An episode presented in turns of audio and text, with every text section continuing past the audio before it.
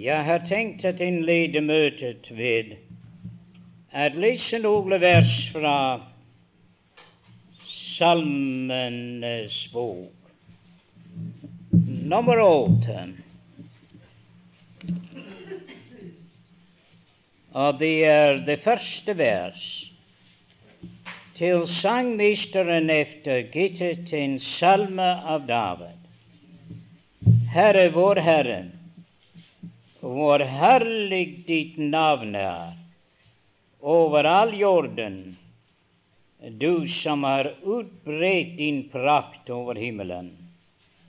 Og det siste vers, Herre vår Herre, hvor herlig ditt navn er over all jorden. I den niende salmen og det tiende vers. Og Herren er en borg for den undertrykte, en borg i nødens tid. Og de som kjenner ditt navn, stoler på deg, fordi du har ikke forlatt dem som søker deg, Herren. Les nå i salme nummer fem, og det er i det tolvte vers. Da skal alle de som tar sin tilflukt til deg, glede seg. Til evig tid skal de juble, og du skal verne om dem. Og de som elsker ditt navn, skal fryde seg i deg. For de, du velsigner den rettferdige Herre, som med et skjold dekker du ham med nåde. Les nå noen vers fra Malikias bok. Malikias bok. Det er den siste i Det gamle testamentet. Og uh, vi leser fra det sjette vers, vers seks, i uh, det uh, tredje kapittel. Vers seks i det tredje kapittel. For jeg, Herren, har ikke forandret meg, og i Jakobs barn er ikke tilintetgjort. Like fra eders fedres dager har I vekket, veget av fra mine lover og ikke holdt dem. Vend om til meg, så vil jeg vende om til eder, sier Herren. Herskarenes Gud, og jeg sier, hva skal vi vende om fra? Skal et menneske rane Gud, siden de raner meg? Og jeg sier, hva har vi rant fra deg? Tiden, tienden av den hellige gave. Forbannelse har rammet eder, og fra meg raner i, ja, hele folket. Bær hele tiende inn i forrådshuset, så det kan finnes mat i mitt hus, og prøv meg på denne måte, sier Herren. Herren skarenes Gud, om jeg ikke vil åpne himmelens sluser for eder og utøse velsignelse over eder i rikelig mål, og jeg vil true eteren for eders skyld, så den ikke ødelegger jordens avgrøde for eder, og vindtreet på marken skal ikke slå feil for eder, sier Herren, herskarenes Gud. Og alle, alle folkene skal prise eder lykkelig. For da skal eders land være et herlig land, sier Herren. Herskarenes Gud, eders ord har vært sterk imot meg, sier Herren. Og jeg sier, hva har vi sagt oss imellom mot deg? Jeg har sagt, for fint er det å tjene Gud. Og hva vinding har det vært for oss at vi har aktet på Hans bud, at vi har gått i sørgeklede for Herren herskarende Guds skyld, Og nå priser vi de overmådige lykkelige. Ikke alene trives de vel, de som lever ugudelig, men de har satt Gud på prøve og har allikevel sluppet fra. Da talte de med hverandre, de som frykter Herren, og Herren lyttet til og hørte og det ble for hans åsyn skrevet en minnebok for dem som frykter Herren og tenker på Hans navn. Og på den dag som jeg skaper, sier Herren. I den engelske på den dag som jeg samler mine skatter eller ju, juveler, sier Herren, herskarenes Gud skal de være min eiendom, og jeg vil spare dem like som en mann sparer sin sønn som tjener ham. Da skal I atter se forskjell mellom den rettferdige og den ugudelige, mellom den som tjener Gud og som ikke tjener ham. For se, dagen eh, kommer, brennende som en ovn, da skal alle overmådige og være den som lever ugodelig, være som halm. Og dagen som kommer, skal sette dem i brann, sier Herren, herskarenes Gud, så den ikke levner dem rot eller gren, men eder. For i men for eder som frykter mitt navn, skal rettferdighetens sol gå opp med legedom under sine vinger, og I skal gå ut og hoppe som gjødkalver. Nå må Herren så rikelig velsigne for oss lesningen av sitt dyrebare ord. Vi hørte til en begynnelsen av den som får opp er den som får ned. Og jeg tenkte å si noe om hans navn, den som får opp, og den som får ned. Det synes meg at det er et veldig alvorlig tanke, dette, i forbindelse med Herrens navn.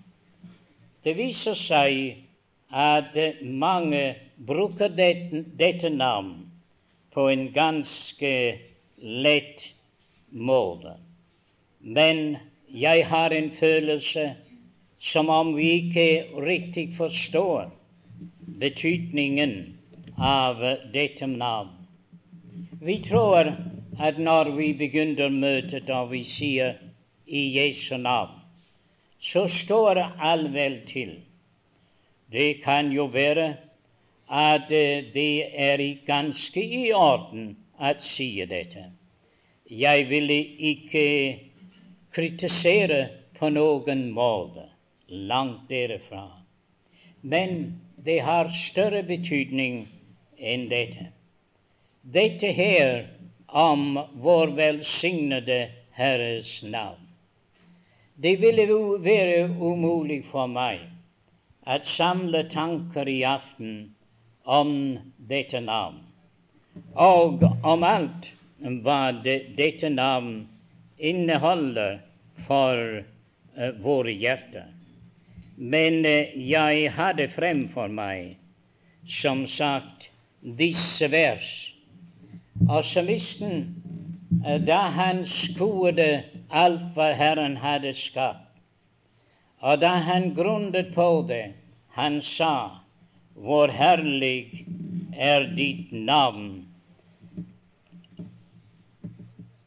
over all jorden.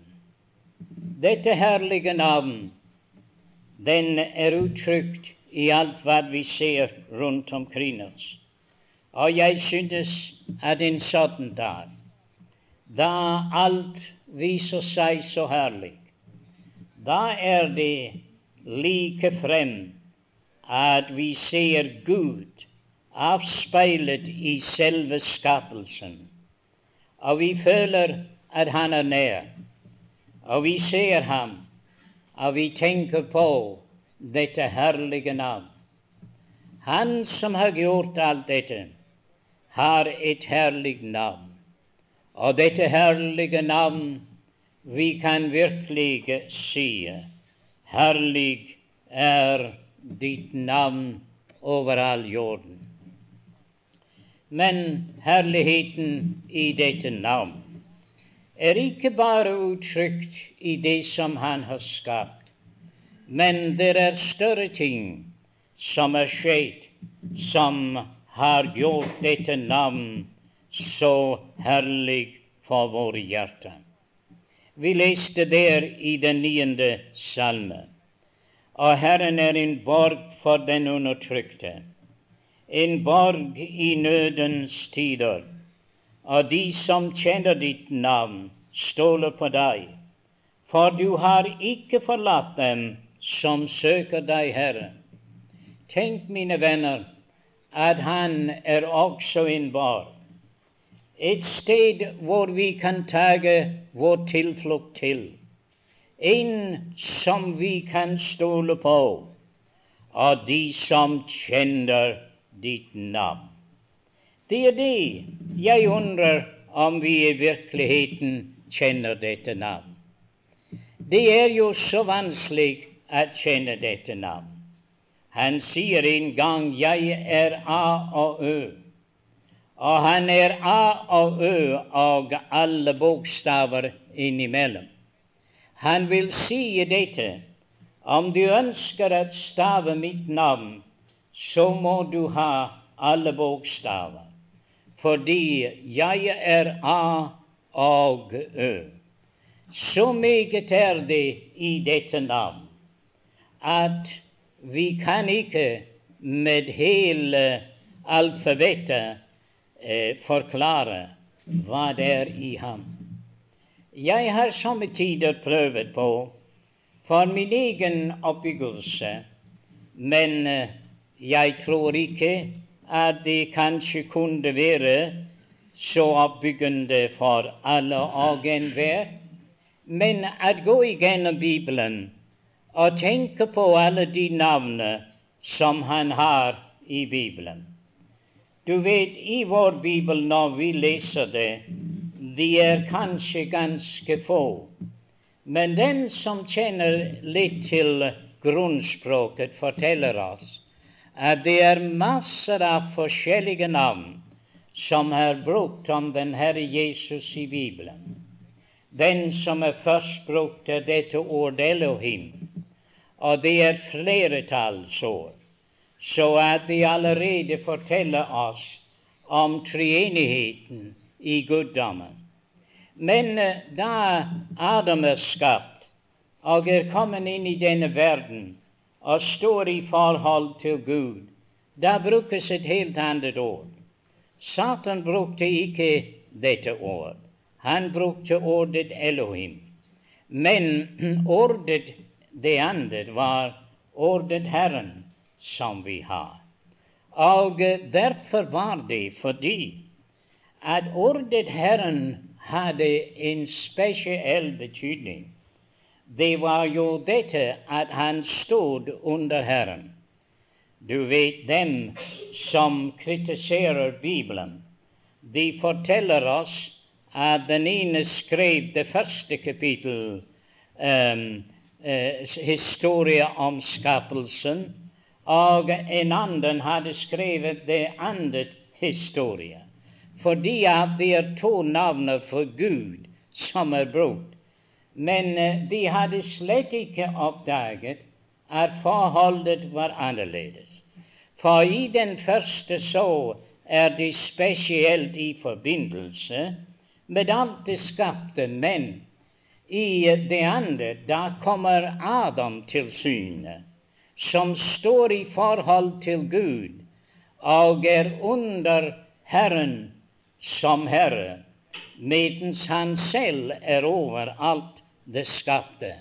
Så her var det styre der kom til tanken, og derfor navnet på Gud må være annerledes. Og når Gud åpenbaret seg for Abraham, han heter da at uh, herlighetens Gud, han åpenbaret seg for Abraham. Og Abraham fikk lære Gud som herlighetens Gud. Men i Abrahams liv, fra sted til sted han gikk, inntil han lærte Gud å kjenne med en meget høyere uttrykk enn noen av disse. Han heter El Shaddai, den allmektige. Og da var det en dag i Abrahams historie da han var i stand til å gjøre store ting for Gud, fordi han kjente hans navn. De som kjenner ditt navn, de skal stole på deg. Og de som kjenner Herrens navn, de skal gjøre store ting.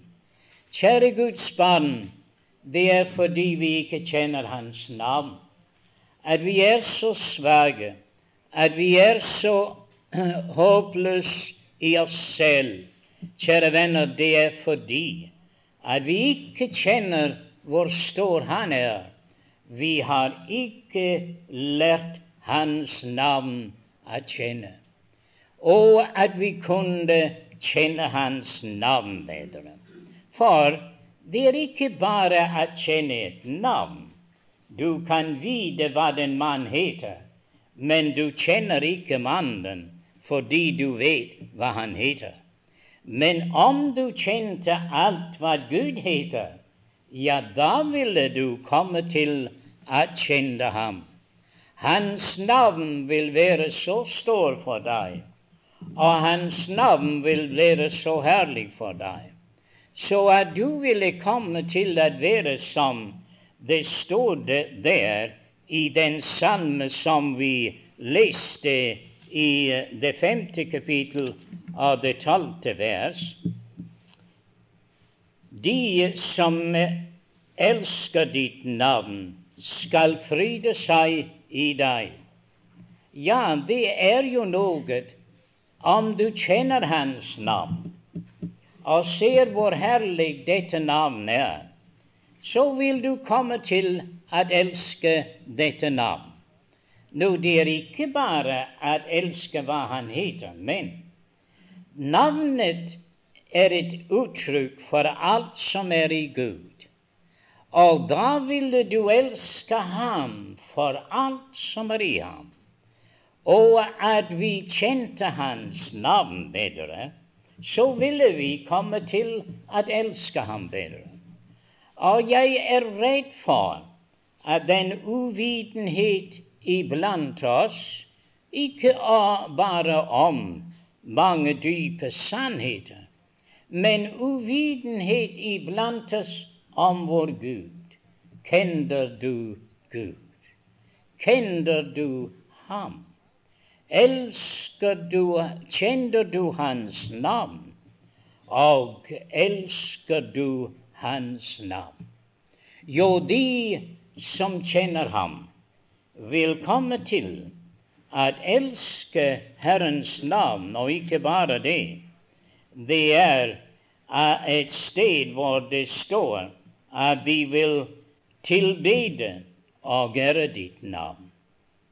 Og da ville det være så at vi ville gjøre alt for dette navn. Nå, det viser seg at det er jo så at dette navn har en fylde. Og jeg ble slått i tanken forleden da jeg leste i åpenbaring, og da fant jeg at Gud har ikke ennå uttalt hele sitt navn. Det er noe av Guds navn som ennå ikke er åpenbar. Han sier om det seirende i åpenbaring. Han sier 'Jeg vil skrive på ham navnet av min Gud og navnet av den nye stad og mitt navn det nye. Å Herre Jesus, har du et nytt navn? Ja. Et nytt navn. Men hva dette navnet er, og hva dette navnet inneholder, ja, sikkert er det ingen av oss vet. Men kjære venner, det taler til meg at du og jeg, vi skal fortsette gjennom evighetenes evigheter. At lære dybdene i dette herlige navn. Å, tenk, mine venner, hva det vil si. Broder McKinnon pleier å si at han studeret sin bibel for evighet, og jeg tror han hadde rett. Vi begynner vårt studium her. Vi lærer Herrens navn å kjenne. Men kjære venner, der skal gå en evighet i denne studium, og vi skal lære dette herlige navn å kjenne. Jeg vil ikke nevne her om alle de såkalte Jehova-titler og slike navn som er brukt i Det gamle testamentet. Hver eneste en av dem med en særskilt og en herlig betydning. Og at se hvordan at Gud oppdraget hver av sine hellige, den ene efter den andre, at lære Hans navn å kjenne. Og det er noe i det også, med din oppdragelse og min det er at vi skulle lære Hans navn å kjenne. Og nå etter femte år i Herrens tjeneste, jeg burde ha kjent ham meget bedre. Du burde ha kjent ham meget bedre, kjære Guds barn. Og jo bedre vi kjenner ham, jo bedre vil vi komme til å tjene ham og leve for ham her nede. Men saken er den, dessverre, det er jo ikke så, at alle dem som bekjenner seg til ham, at de i virkeligheten setter pris på dette navn. Det viser seg at Guds barn det deles, selv om vi vet at vi er alle ett i Kristus at det viste seg i Israels erfaring at det var noe som heter en levning, en rest, en liten del av dette folk Israel. Herren hadde sagt at om Israels eh, folk var så tallrike, dog skulle bare en levning frelses. Og jeg tror at dette uttrykket i Galaterbrevet, som noen ville tilskrive menigheten, jeg tror at den tilskrives den eh, rest eller levning. Det heter i Galaterbrevet Guds Israel. Og Guds Israel var nettopp den trofaste levning om det var i de gamle dager, eller om det var senere hen. Der var iblant dem alltid en trofast rest eller levning. Nå, jeg tror den har en betydning for oss i dag. Fordi at de dager da det var frafall hos Israel, da viste det seg der var en levning. Tenk hvordan det var den gang, før de ble ført til Babylon. De var så langt fra Gud. De hadde vært ham ulydig. Deres hjerter var kalde. De hadde vendt seg til avgudsdyrkelse. Og Gud han løftet dem opp fra Kanaans land, der hvor han hadde brakt dem og han førte dem til et land som Babylon. Der var full av avgudsdyrkelse for at de skulle lære å bli syk av avgudsdyrkelse og vende seg helt til å leve for Herren. Men det var en liten rest iblant dem, og det finner vi menn som eh, Daniel og som disse andre av hans tre venner, og flere andre som Esekiel og slike. De var like så varme for Herren de var faktisk alt noen mønster Guds barn. De kunne stå midt i alt den frafall og alt den likegyldighet og all den avgudsdyrkelse. De kunne stå som et vitne for Herren. Daniels navn, den betyder noe. Det er min Gud er dommer. Og han følte at han levet sitt liv foran den store dommer Gud. Han var ikke redd for kongen. Han var likegyldig hva kongen sa. Disse de vil ikke bøye seg for ham. Nei, om de ennå skulle i ildovnen, de skulle være trå mot dette, denne Gud og hans store og herlige navn. Guds navn var så stor for dem, og Guds navn hadde sånn betydning for dem. I de dager kaltes han for den høyeste.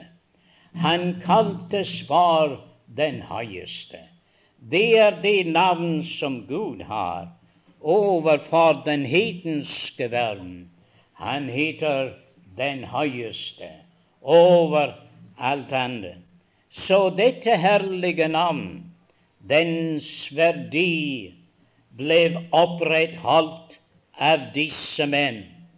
Og Derfor er det at vi tenker på det så, at Gud hadde den gang, og også når de kom tilbake fra Babylon Jeg husker menn som Ezra og Nehemias, menn som var villige til å ofre noe for Herrens sak, for å opprettholde navnets ære.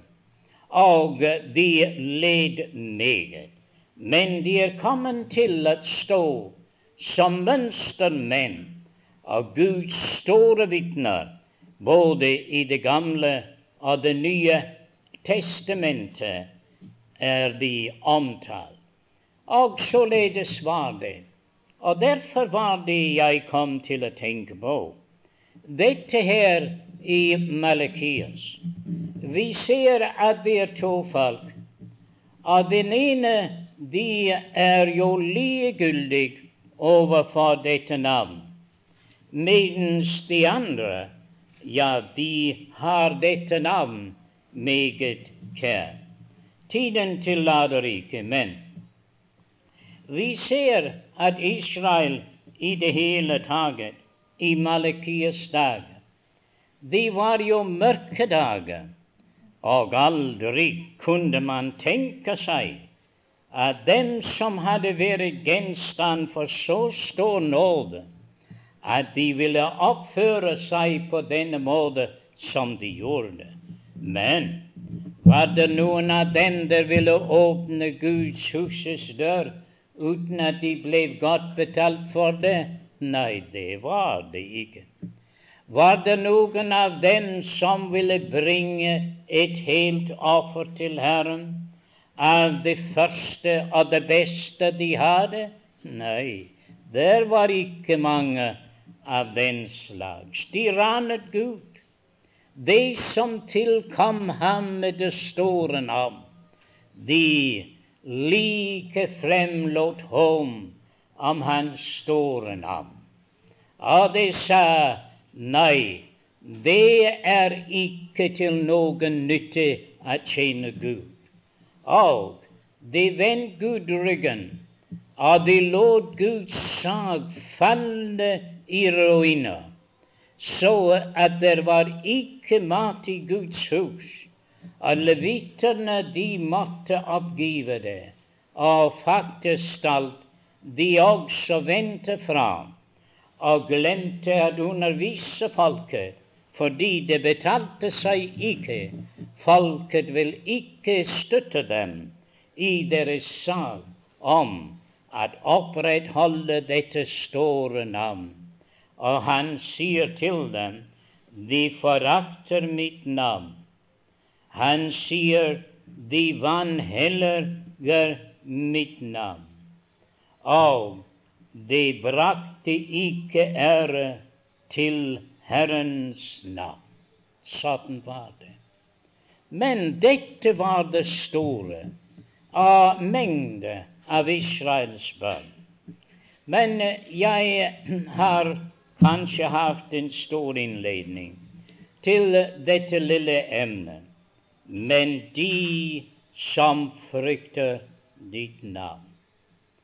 De som frykter deg og tenker på ditt navn. Midt oppi det alt sammen, der var dem som tenkte på Herrens navn. Nå, det var jo ikke bare dette at de skjenket Guds navn en tanke. Nei, nei.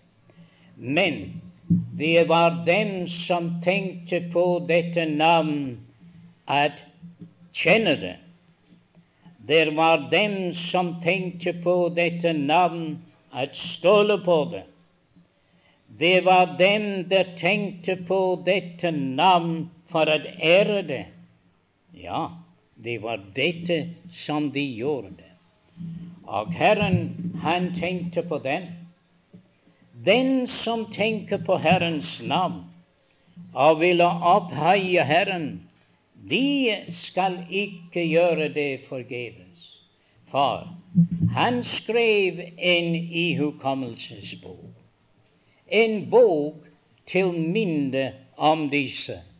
Og i denne bok står der mange store og velsignede navn. I Guds minnebok. En minnebok, den ble skrevet med henblikk på at de som hadde gjort store ting for kongen, at de skulle ved en leilighet få lønn. Jeg husker om Mordekai i Esters tid, hvordan at hun at eh, Mordekai hadde gjort kongen en stor ære. Og de skrev hans navn opp i boken. Og dette var til minne om mannen, så kongen skulle gjøre ham en ære. Men han ble glemt. Men en aften, natt, når kongen ikke så, så ble det lest opp og oppdaget. Og da kom de frem for lyset hva Mordekai hadde gjort. Og da fikk Mordekai en veldig oppreisning, og nettopp til den rette tid da hans fiende var ved å få overhånd over ham. Kjære venner, Gud har en bog, og i den bog der er navnet. Det er ikke det jeg spør deg nå. Er ditt navn skrevet i livsens bog hos lammet? Hvis du er et Guds barn, så er den ditt navn skrevet der. Men han har en annen bok, og det er til minne for dem som har brakt ære til hans navn. Nå vi lever i en meget vanskelig tid, nettopp som det var den gang, i Malakias dager. De kom sammen, og de fryktet Herren, og de tenkte på Hans navn. Er det ikke det som er årsaken til at vi har samfunnsmøte? Jeg har den følelse som om at vi som Guds barn og representerer forsamlinger som har vært, hadde jeg nesten sagt, men er ved at like frem forsvinne fra de skandinaviske landene. At det er noe de oss der sier vi elsker Herrens navn. Vi ønsker å være sammen og bli oppbygget, som vi hørte, angående disse her, vis pris jeg synge vil. Hva betyr dette navn for deg? Hva betyr dette navn for meg? Jeg har reist en lille smule i min livstid. Jeg har vært i mange forskjellige forsamlinger. Og jeg finner dette. Det er like meget hva disse forsamlinger kaller seg for, eller for hva navnet de er. Forsamlingen er holdt sammen med en ganske lille klynge. En ganske lille klynge, de tar ansvar.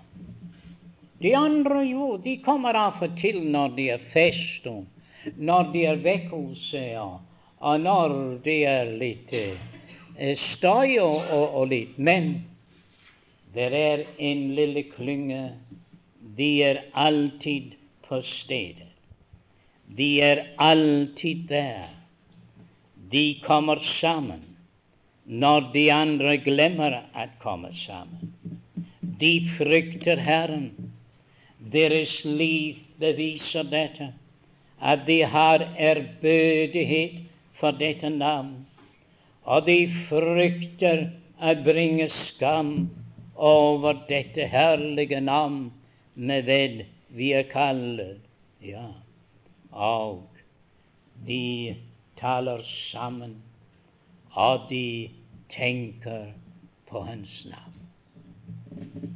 Det er ikke forgjeves, kjære Guds barn. Det er en der lytter til den velsignede Herren med det store, veldige navn. Han bøyer seg ned og han lytter til. Og jeg tenker på det i dag. Min Herre og min Mester, han lytter til. Vi elsker Hans navn, vi frykter Hans navn. Og derfor er det Han har minnet oss om å tale om Hans navn. Han har minnet oss om å ære Hans navn at frykte Hans navn. Han vil skrive en bok. Og han sa, de skal være mine. Det er mine juveler. Det er en belønningsdag. Å, kjære brødre og søstre, det er ikke for tjene, gjeves å tjene her. Jeg har ennå ikke nådd frem til belønning den står ennå foran. Jeg føler kun hvor ussel jeg har vært, og hvor dårlig jeg har tjent. Men samtidig vet jeg dette, at det lønner seg å tjene Herren. Og jeg for min del, jeg føler at hadde jeg liv å begynne om igjen, jeg ville bede Herren om å får lov til å være det jeg har vært. Å tjene Ham med hele mitt liv og hjerte, sjel og sinn, og jeg prøver på å bringe ære til Hans navn og minne mine kjære medsøsken om de, den herlighet som er i Hans navn. Hans navn er som en utguds salve. Derfor er det at jomfruene elsker deg.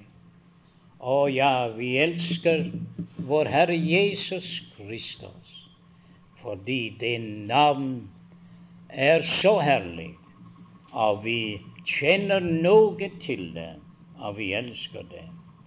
Og det er det jeg tenker på at det står i den menighet i Philadelphia. Han sier til dem de skulle holde fast det de hadde. De var den trofaste levning også i vår tid. Og de skulle holde fast ved det de har. At ingen ville ta deres krone. Gud har skrevet den menighet ned fordi det var noen som ikke hadde nektet hans navn. De hadde stor tro for ham midt oppi en vanartet slekt. Og i dag vi står som et vitnesbyrd for Herren i et av de mørkeste og vanskeligste tider i denne verdens historie og i menighetens historie. Det er Ladukeans periode, når det er bare få der står sammen for ham. Men lovet være Gud.